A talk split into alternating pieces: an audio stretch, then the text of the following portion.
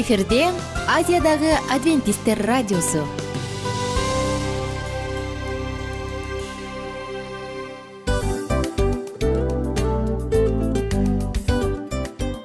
Достор салют. Баардык сүйүктүү угармандарыбызга салам айтабыз. Кутман күнүңүздөр менен. Ден соолук өмүрдүн булагы демекчи саламат саамы программасында баарыңыздарды көргөнүбүзгө абдан кубанычтабыз. Анда алгач амандашып өтөлү арбаңыздар деп. Ден соолугуңуздар кандай элибизде көбүнчө ден соолук кандай дегенде эле жакшы деп жооп беребиз э? ооруп турсак дагы жакшы дейбиз. Анан мен муну айтып ойлойт элем бул абдан сонун сөз депчи анткени бул жакшы деген үмүт да э ооба баары жакшы болот. Баары сонун. Деп үмүттөнүп атып эле өзүбүздү өзүбүз дарылап коебуз. Анысы кандай? Сиздин дагы ден соолугуңуз жакшы беш деген үмүттөбүз чындыгында ден соолук бул өмүрдүн булагы деп бекеринен айтылган эмес деп ойлойм. Кыргыз элинде анткени эгерде ден соолук жок болсо анда адамдын жашоосунда калган баардык керектүү маңыздуу нерселер өзүнүн баалуулугун жоготуп коет. Ошондуктан ден соолук бул эң керектүү нерсе. Ооба туура айтасың кесиптешим. Чынында ден соолугуң жок бир эки үч күн ооруп калсаң эле э кандай болуп калат? Жашоодо көз каранды болуп каласың көп нерсеге жетишпей каласың көп нерсени кыла албай каласың жада калса эшикке дүкөнгө да чыга албай каласың. Туптуура анан ден соолук болсо демек биз биздин бактыбыз тотой деп койсок болот. Анда достор саламат саамы рубрикабызды баштайлы. Алдыда өзүңүзгө керектүү болгон сонун кеңештерди уга аласыздар. Мына ошондуктан биз менен бирге болуңуздар. Ал эми биз болсо милан жана айнура. Кеттик алга. Алга саламат саама ден соолуктун жарчысы. Саламат саама ден соолуктун ачкычы. Күн сайын сиз үчүн мыкты кеңештер сонун жаңылыктар кызыктуу фактылар. Биздин рубрикада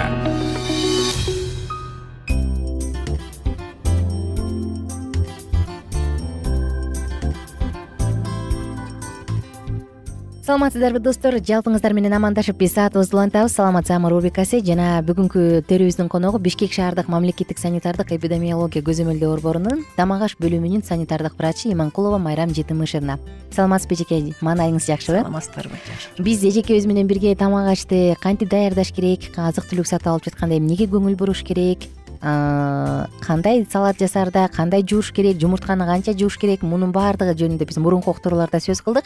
Эми бүгүн кафе ресторандарда жасалган тамак аштарды текшересиздерби мына ушулга токтололу деп турабыз. Айта кетсеңиз текшересиздерби канчалык деңгээлде текшерилет? Ооба азыркы жетимиш жанагы эле жетимиш экинчи закон боюнча бир жылда эки жолу бара алабыз. Эки вообще бир жылда бир эле жолу а эки жолу дегенибиз там бир эмеси бар статьясы бар пункту бар ошого биз таянып анткени бул баары кооптуу жай деп атып эки жолу барууга туура келет да. Эки эле жолу бара алабыз да барганда да сиз алдын ала аларды эскертип анан барасыздарбы? Же барып эле басып калса болобу же кандай? Жок эскерте албайбыз. Ой эме эскертип мурда бар болчу. Эскертишибиз он күн мурдараакчы аны кайра кайра жасап атып э, куда жалап алып коюшту дегендейчи элдин коопсуздугун карап атыпчы. Э, анан бирок биз жана план бар биздечи план жасабыз планды ал сайтта илинип турат. Ал сайт ишмерлерде да бар. Түндөп болобу күндөп болобу ачып ал ишмер карап турат.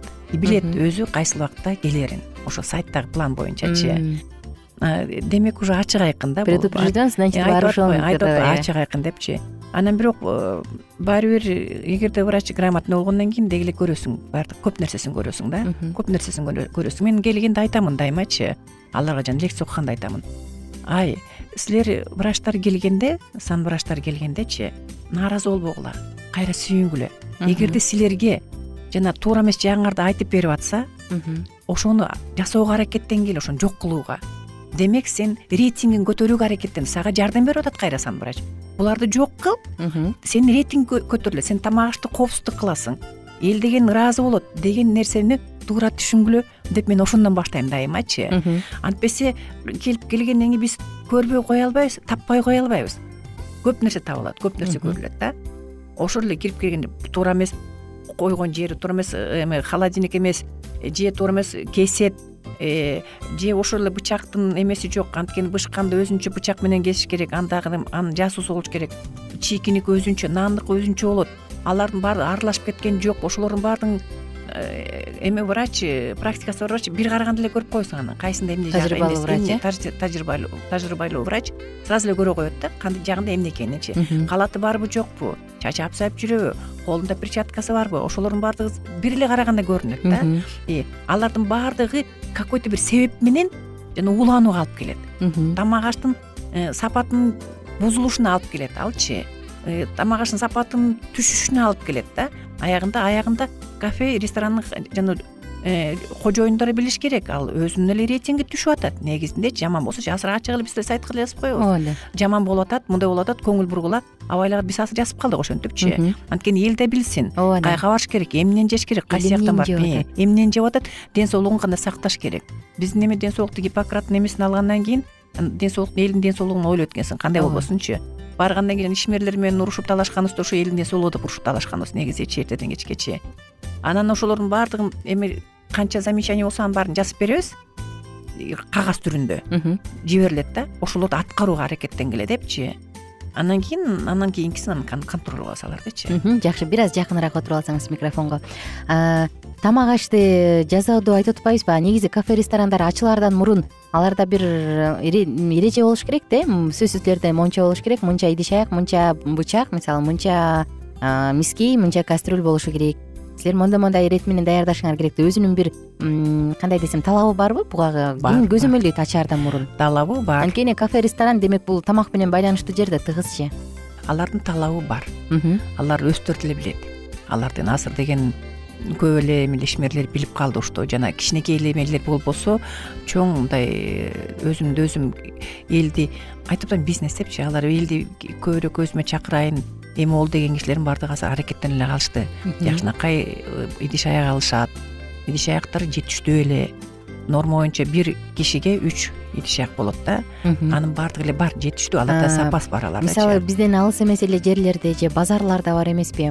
Кенедей тамак бышырган жери кепкинедей жер анан жасап жасап жасап коюп анан касканга коюп коюшат же даярдап даярдап коюп коет анан кардар келгенде ысытып бере калчу. Бул негизи туура эмес да кардарды телөө туура эмес. К сожалению ошондойлор бар. Өзгөчө жанагы базарлардын тегерегиндечи базарлардын тегерегинде чоңураак кафелердин баары ачылган. Ал эми жана сиз айтып кеткен кичинекей деп атпайсызбы? Алар деген полуфабрикатка иштеш керек. Полуфабрикат эмне? Алып келди мантыны бышырып берди. Алып келди пельменди бышырып берди. Ошол эле алар андан башка мүмкүнчүлүгү жок аларгачы ал эми жана бышкан тамакты коюп кою деген жок азыр. Анан салаттарды даярдап даярдап ооздору ачык эле турат да канча адам кирип чыгат. Биз бизден алыс эмес жерде көрүп алып мен аябай таң калгам анан элдер тим эле агылып барат да. Анан мен таң калдым бул эмне деген жер кандай кантип тамактанышат депчи ошондой жерлерди кантип карайсыздар? Карайсыздарбы негизи? бул адамдардын өзүнүн мен дайыма айтам мында жана айтып кетпедимби сенин ден соолугуң өзүңдүн колуңда депчи ошону көрүп туруп эгерде адам барбай албай койсо ал деген ошол кичинекей ашкана жабылып калат. Айла жок жабылат эл келбегенден кийинчи или жакшылаш керек. Жакшылап даярданып чоңураак кылып чоңойтуп тамакты жакшылап даярдоого аракеттенет же жабылып калат. Ошон үчүн элдин баардык нерсе адамдын өзүнөн. Ошо адамдар билбегендиктен барат болуш керек деп ойлойм мен көпчүлүгү билбегендиктен эмес. Биздин менталитет адам арзан деп барат аяка арзан болгондон кийин ойлонуш керек да. Даамдуураак арзан э, жок даамдуу болуш эмес арзаныраак деп барат. Ошо арзаныраак болгондо ойлош керек да эмнеге арзан башка жака караганда? Кайсы эттен жасалып атат кандай эттен жасалып атат кайсы жер жемиштен жасалып атат деген ой келиш керек адамдын өзүнөчү жакшы. Мектепте дагы бар эмеспи? Пирожки бышырышат андай мындай бышырышат. Ошол жактарды сиздер текшере аласыздарбы? Мектепти бар биздин өзүнчө отдел бар аякта өзүнчө врачтар бар. Алар карап турушат мектепти өздөрүнчө текшерет э, өздөрүнчө текшерип карап турушат. Жакшы биз алдыда буюрса дагы бир уктуруудан кийин эжекебизден сонун жоопторду алгандан кийин саатыбызды жыйынтыктайбыз. Аты жөнүм айнура миназарова. Алыстабаңыздар анткени бүгүнкү бул темаларыбыз тамак ашка байланыштуу тема. Ар бир адам тамак жейт тамак жеп ошон үчүн өмүр сүрүп келебиз. Ошон үчүн өзүбүздүн денебизге энергия кубат алып келебиз. Биз менен бирге болуңуздар. Эгерде сиз албетте ден соолугуңузду сактасаңыз жана бааласаңыз саламат саама ден соолуктун жарчысы. Саламат саама ден соолуктун ачкычы. Күн сайын сиз үчүн мыкты кеңештер сонун жаңылыктар кызыктуу фактылар биздин рубрикада. Салют замандаштар баарыңыздарга ысык салам. Дил маек программабызга кош келиңиздер. Дил маек рубрикасы дегенде эле бул эмне болгон дил маек ким менен маектешебиз деп сурайт болуш керек угармандарыбыз бул рубриканы кыскача тааныштыра кете турган болсок ар тарап кесип ээлеринен болгон сонун интервью кеңештер бар. Ооба. жылдыздар менен болгон маек бар. Аталарыбыздын агаларыбыздын чоң аталарыбыздан сонун кеңештер бар. Ошондой эле эже сиңдилердин кеңештери бар айтор. Баардык кызыктардын баары алдыда. Негизи эле адам баласы бир кимдир бирөөнө ишенип сырын ачкысы келет эмеспи э мындай баарлашууга жакын келебиз го. Албетте. Негизи бир жерге отуруп алып кенен шашпай баягы жүрөктөн жүрөккө ачып сырларыбызды ар кандай көйгөйлөрүбүз менен бөлүшүп баягы чын жүрөктөн маек курганды кимибиз сүйбөйбүз э? Ооба десең ал нерсеге суусап да келебиз да? Ооба кээ бирде адамга чындыгында баягы э, ысык маек баягы жылуу маек жетишпейт да. Ошондуктан биз ушул рубриканы ойлоп тапканыбызда эң биринчи эле достор сиздер менен чын жүрөктөн бир маңыздуу темаларды козгоп кеткени э, кааладык. Ошондуктан ушундай сонун бир рубриканы тартуулап жатабыз. Анын үстүнө радио дагы сонун дос да анткени э, мындай учурда досуңа айтсаң досуң досуна айтат досу досуна айтат да анан бүт өлкө билип калышы мүмкүн го. А радио болсо сени сатпаган сенин айыбыңды ачпаган сенин сырыңды эч кимге айтпаган сонун дос ошондуктан биздин алдыдагы айта турган кеңештерибизди биздин досторубуздун кеңештерин угуп анан ал жака пикириңизди дагы калтырып кайрадан биз менен байланышсаңыздар болот. Деги эле жашооңузга эгерде кичине болсо дагы өзгөрүү алып моралдык жактан нравовик жактан сонун бир кеңештерди алсаңыз демек биз максатыбызга жеттик. Ооба. Чыңгыз атабыз улуу жазуучу э, чыңгыз айтматов айткандай адам болуу бул күнүмдүк процесс экен. Күн сайын адам бойдон калуу бул адамзатка эң эле кыйын дейт э? э эң кыйын дейт. Чындыгында бунун негизинде адамдын эң баягы сапаттуулугу адамдын э, адамгерчилиги жана көптөгөн керектүү нерселер. Мына ошол темалар дагы бизде э, ушул дил маекте биз аларды да козгойбуз. Ден соолук жөнүндө да сүйлөшөбүз. Сөзсүз түрдө анан милан мырза негизи айтып коюшат го. Биз көбүнчө эмнени ойлонсок? Ошол нерсеге карата иш кылабыз го. Ооба. Анан анысы кандай? Балким бул радио баракчада кимдир бирөөнүн оюн текшергенге жардам берет кимдир бирөөнүн жүрөгүн текшергенге жардам берет. Балким кимдир бирөөгө жашоонун маңызын тапканга жардам берет. Айтор кызыктын баары алдыда бул жөн гана кыскача жарнама анда угармандарыбыздын баардыгын кийинки рубрикабызга чакырабыз. Ал эми кызматта маңдайымда отурган кесиптешим милан жана мен айнура. Анда эмесе биз даярдаган терең терең ойлор менен таанышууга кеттик. Алыс алыс баралык. Анда эмесе достор биз менен бирге болуңуздар. Алдыда эң кызыктуу маалыматтардын баардыгы бир нече мүнөттөр бою жалгыз гана сизге арналат мына ошондуктан жакшы маанай менен угууну каалайбыз. Үн алышканча. Жөнөдүк. Ар түрдүү ардактуу кесип ээлеринен алтын сөздөр жүрөк ачышкан сыр чачышкан сонун маек дил маек рубрикасында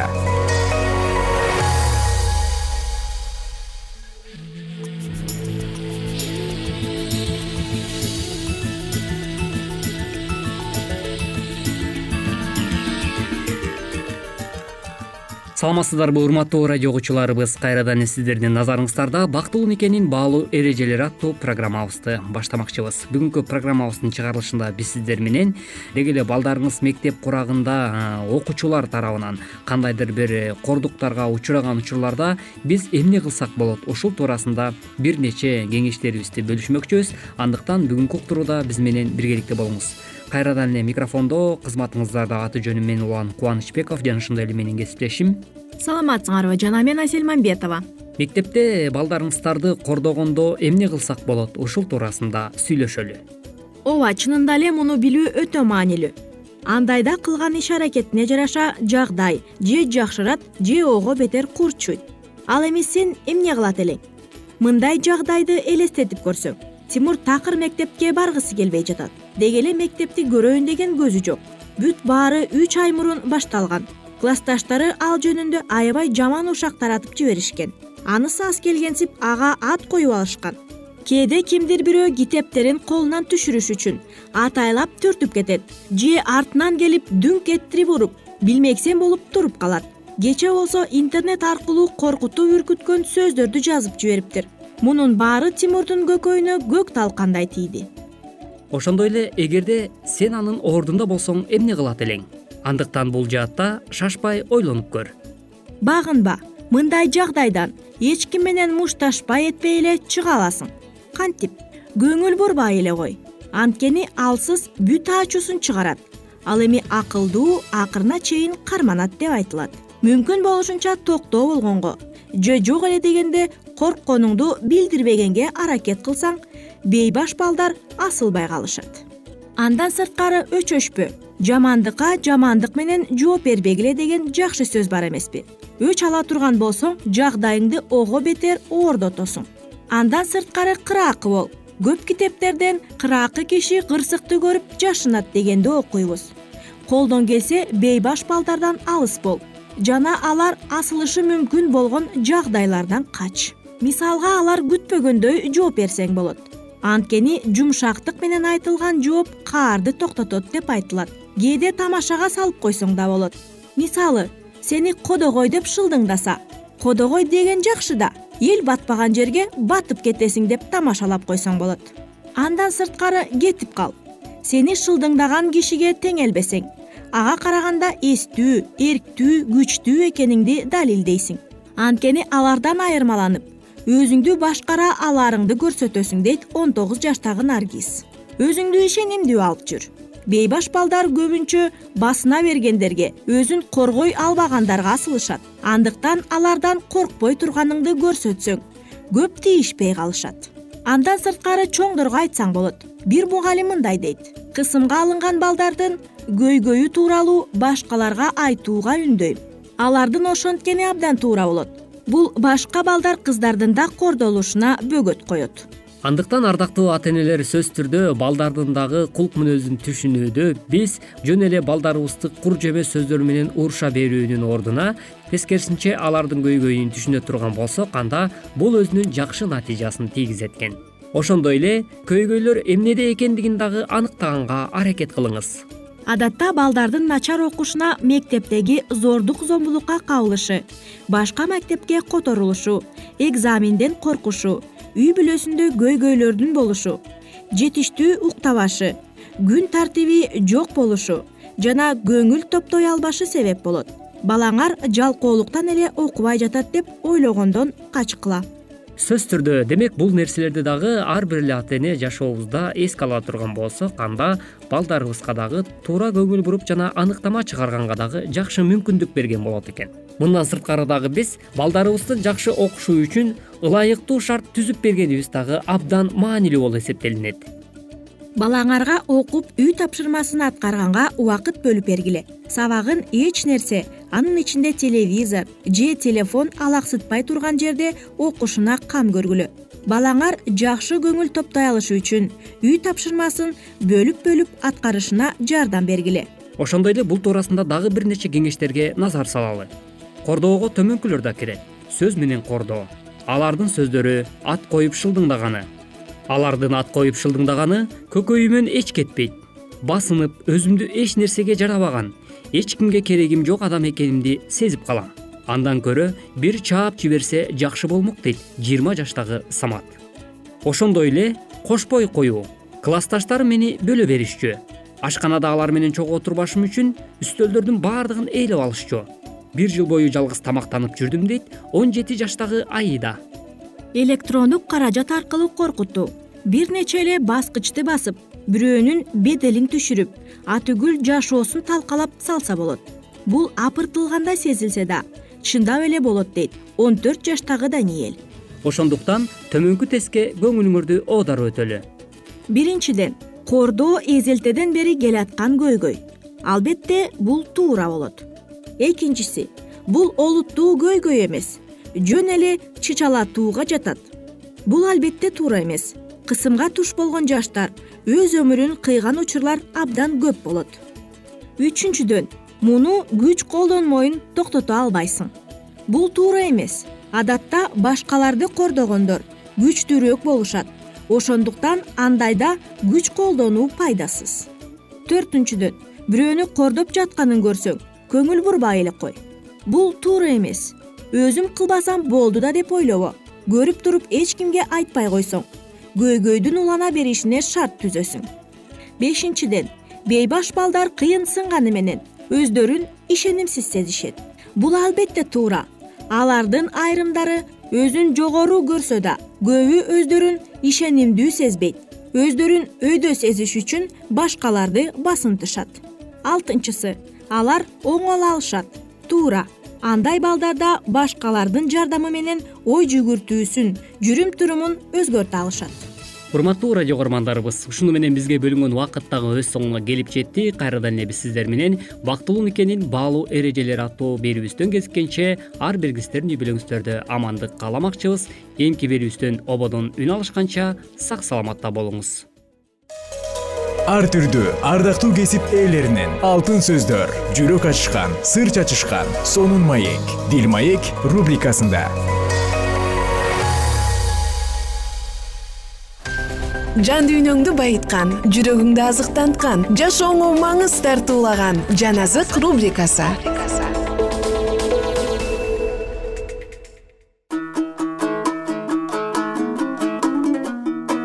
кутмандуу күнүңүздөр менен достор. Кутмандуу күнүңүздөр менен угармандар жана ардактуу биздин жыштыктын угармандарынын баардыгына салам айтуу менен биз жан азык уктуруубузду улантабыз. Жана бүгүнкү тема забур китебине арналган забур китебин мурунку уктуруулардан бери угуп окуп жана угуп да келе жатабыз. Бүгүн андан ары улантабыз. Биз менен бирге болуңуздар ырчылар тобунун башчысына ыр забур бүт жер жүзү кудайды даңазала анын ысымын даңкта ырда аны даңкта макта. Кудайга мындай дегиле сенин иштериң кандай коркунучтуу? Сенин күчүң зор ошондуктан сага душмандарың багынат.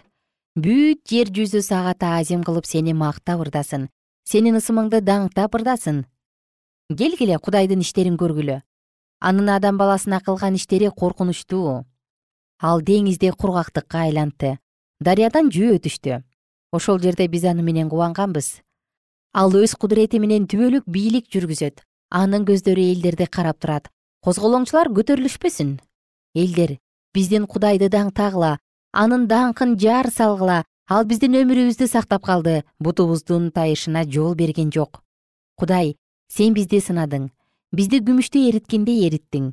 Сен бизге тузак тарттың. Башыбызга алаамат түшүрдүң. Адамдарды башыбызга чыгардың. Биз отко да сууга да кирдик анан сен бизди азаттыкка алып чыктың. Мен сенин үйүңө бүтүндөй өрттөлүүчү курмандыктар менен кирип сага берген убадаларымды аткарам. Алар менин башыма кыйынчылык түшкөндө менин өз оозумдан чыккан. Аларды мен өз тилим менен айткам. Кочкорлордун майларын өрттөп мен сага бүтүндөй өрттөлүүчү курмандык чалам. Өгүздөр менен текелерди курмандыкка чалам. Кудайдан корккондор баарыңар келип уккула. Ал менин жаным үчүн эмне кылгандыгын силерге жарыя кылам. Мен аны өз оозум менен чакыргам аны өз тилим менен мактагам. Эгерде мен жүрөгүмдөн мыйзамсыздыкты көргөн болсом анда теңир мени укмак эмес. Бирок кудай укту? Менин жалынган үнүмө кулак салды. Менин сыйынуумду четке какпаган мени өз ырайымынан ажыратпаган кудайга алкыш. алтымыш алтынчы бап. Ырчылар тобунун башчысына кыл асбаптар менен забур ыр. Кудай бизге ырайымдуу бол бизге батаңды бер. Бизди өз жүзүң менен жарык кыл бүт жер жүзү сенин жолуңду таанып билсин бардык элдер сенин куткарууңду көрүшсүн.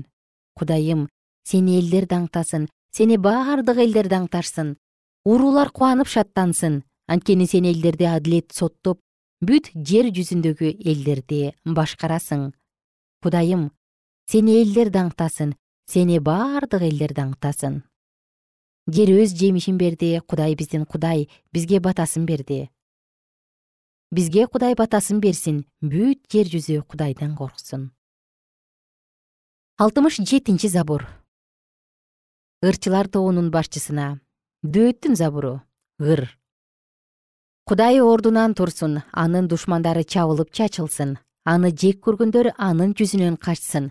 Аларды түтүн тарагандай тараткат кудайсыздар сенин жүзүңдөн тот эриген момдой эрип жок болушсун ал эми адил адамдар кудай алдында шаттыкка бөлөнүшсүн жеңишке жетип кубанышсын биздин кудайга ырдагыла анын ысымын мактап ырдагыла асмандан салтанат менен келе жатканды даңктагыла анын ысымы жахаба анын алдында шаттангыла. Өзүнүн ыйык жайындагы кудай жетимдердин атасы жесирлердин коргоочусу. Кудай жалгыздарды үйгө киргизет туткундарды кишенден бошотот. Ал эми баш ийбегендер ысык чөлдө калат кудайым сен өз элиңдин алдына чыкканда сен чөлдү салтанат менен бара жатканда жер титиреген ал тургай сенин жүзүңдөн асман эриген. Мына бул синай тоосу да ысрайыл кудайы болгон сенин жүзүңдөн эриген о кудай сен өз мурасыңа жамгырды мол жаадыргансың ал жумуштан алсыраганда өзүң күч берип тургансың. Сенин элиң ал жерде жашаган кудайым. Сен өз ырайымың менен жардыга керектүүсүн берип тургансың. Теңир сөз айтат аны көп адамдар жар салат. Кошундардын падышалары качып бара жатышат ал эми үйдө отурган аял олжону бөлүп жатат. Өз үлүшүңөргө тийген жерлерге отурукташып канаты күмүш жүндөрү таза алтын көгүчкөнгө окшоп калдыңар.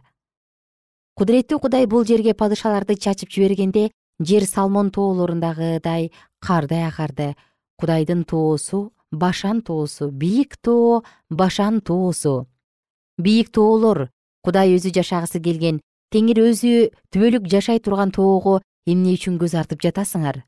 Кудайдын арабалары миң миңдеп саналбат сан жеткис. Теңир алардын арасында синайдагы ыйык чайда. Сен бийиктикке чыктың. Туткундоону туткундадың.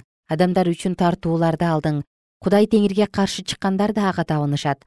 Ар күнү теңир даңкталсын кудай биздин башыбызга кыйынчылык салат бирок кайра эле өзү куткарат кудай биз үчүн куткаруучу кудай. Өлүм күчтөрү бардыгын кармап туруучу теңирдин бийлиги астында.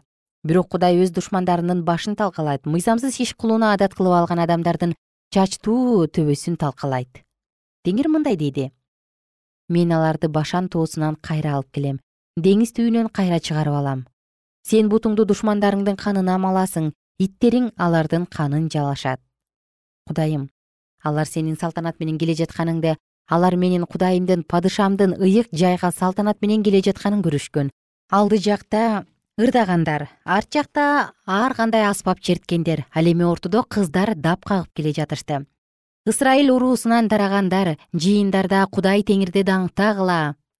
Ал жерде кенже бенжамин алардын төрөсү жүйүт төрөлөрү забулун төрөлөрү напталы төрөлөрү алардын өкүмдарлары. Сенин кудайың сага күч берди кудайым сен биз үчүн эмне кылсаң ошону бекемде сенин иерусалимдеги ибадатканаң үчүн падышалар сага тартууларды алып келишет.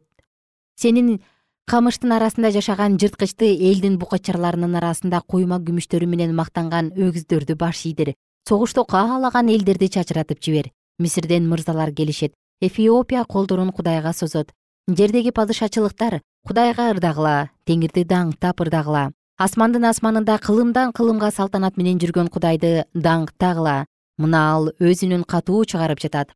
Кудайды даңктагыла анын улуулугу ысрайылдын үстүндө анын кудуреттүүлүгү булуттардын үстүндө. Кудайым сен өзүңдүн ыйык жайыңда коркунучтуусуң ысрайыл кудайы өз элине күч кубат берет. Кудайга даңк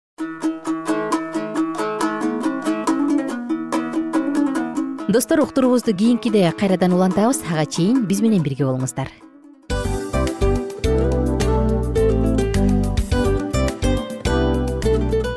Достор биздин радио баракчаларыбыз соңуна келди. Демек бул программабызды дагы жыйынтыктачу учур келдик. Учурга келдик. Анан кесиптешимден сурагым келип турат. Негизи эле иштин башталып атканы кубандырабы сени же жыйынтыгы кубандырабы албетте жыйынтыгы себеп дегенде сен кылган ишиңдин жыйынтыгын көрүп э, баягы мөмөсүн көрүп дегендей жыргайсың. Жүрөгүң жемишинен татып э? Кандай даамдуу деп. Баягы буудай сепкенде эмес буудай эгинди жыйнагандан кийин ысык нанды жегенде кадимкидей ырахаттанасың го. Ой айтпа туура айта кеттиң сонун салыштыруу болду анан мен дагы абдан кубанып турам анткени биз угармандарыбыз үчүн аябай эмгектенип келген уктуруубуздун соңуна келип калдык. Анан эми э, уктуруубуздун соңунда угармандар кандай пайда алып калды экен деп күтүп турам да. Балким э, менин жашоомо өзгөрүү киргизе турган сонун сөздөр болду. Мен ушул нерсени изилдеп анан кабыл албасам ушул нерсени кылбасам деген чечим чыгарсаңыз анда биз абдан кубанычтабыз сөзсүз түрдө. Андыктан кийинки биздин кызыктуу уктурууларыбыздан көрүшкөнчө сак саламатта калыңыздар чыдамсыздык менен сиздерди мен милан жана кесиптешим айнура күтөбүз баардык угармандарыбызга ийгиликтүү күн каалайбыз. Качан гана болбосун уртуңуздан жылмаюу кетпесин үйүңүздө көмүр жүрөгүңүздө көңүл болсун дейли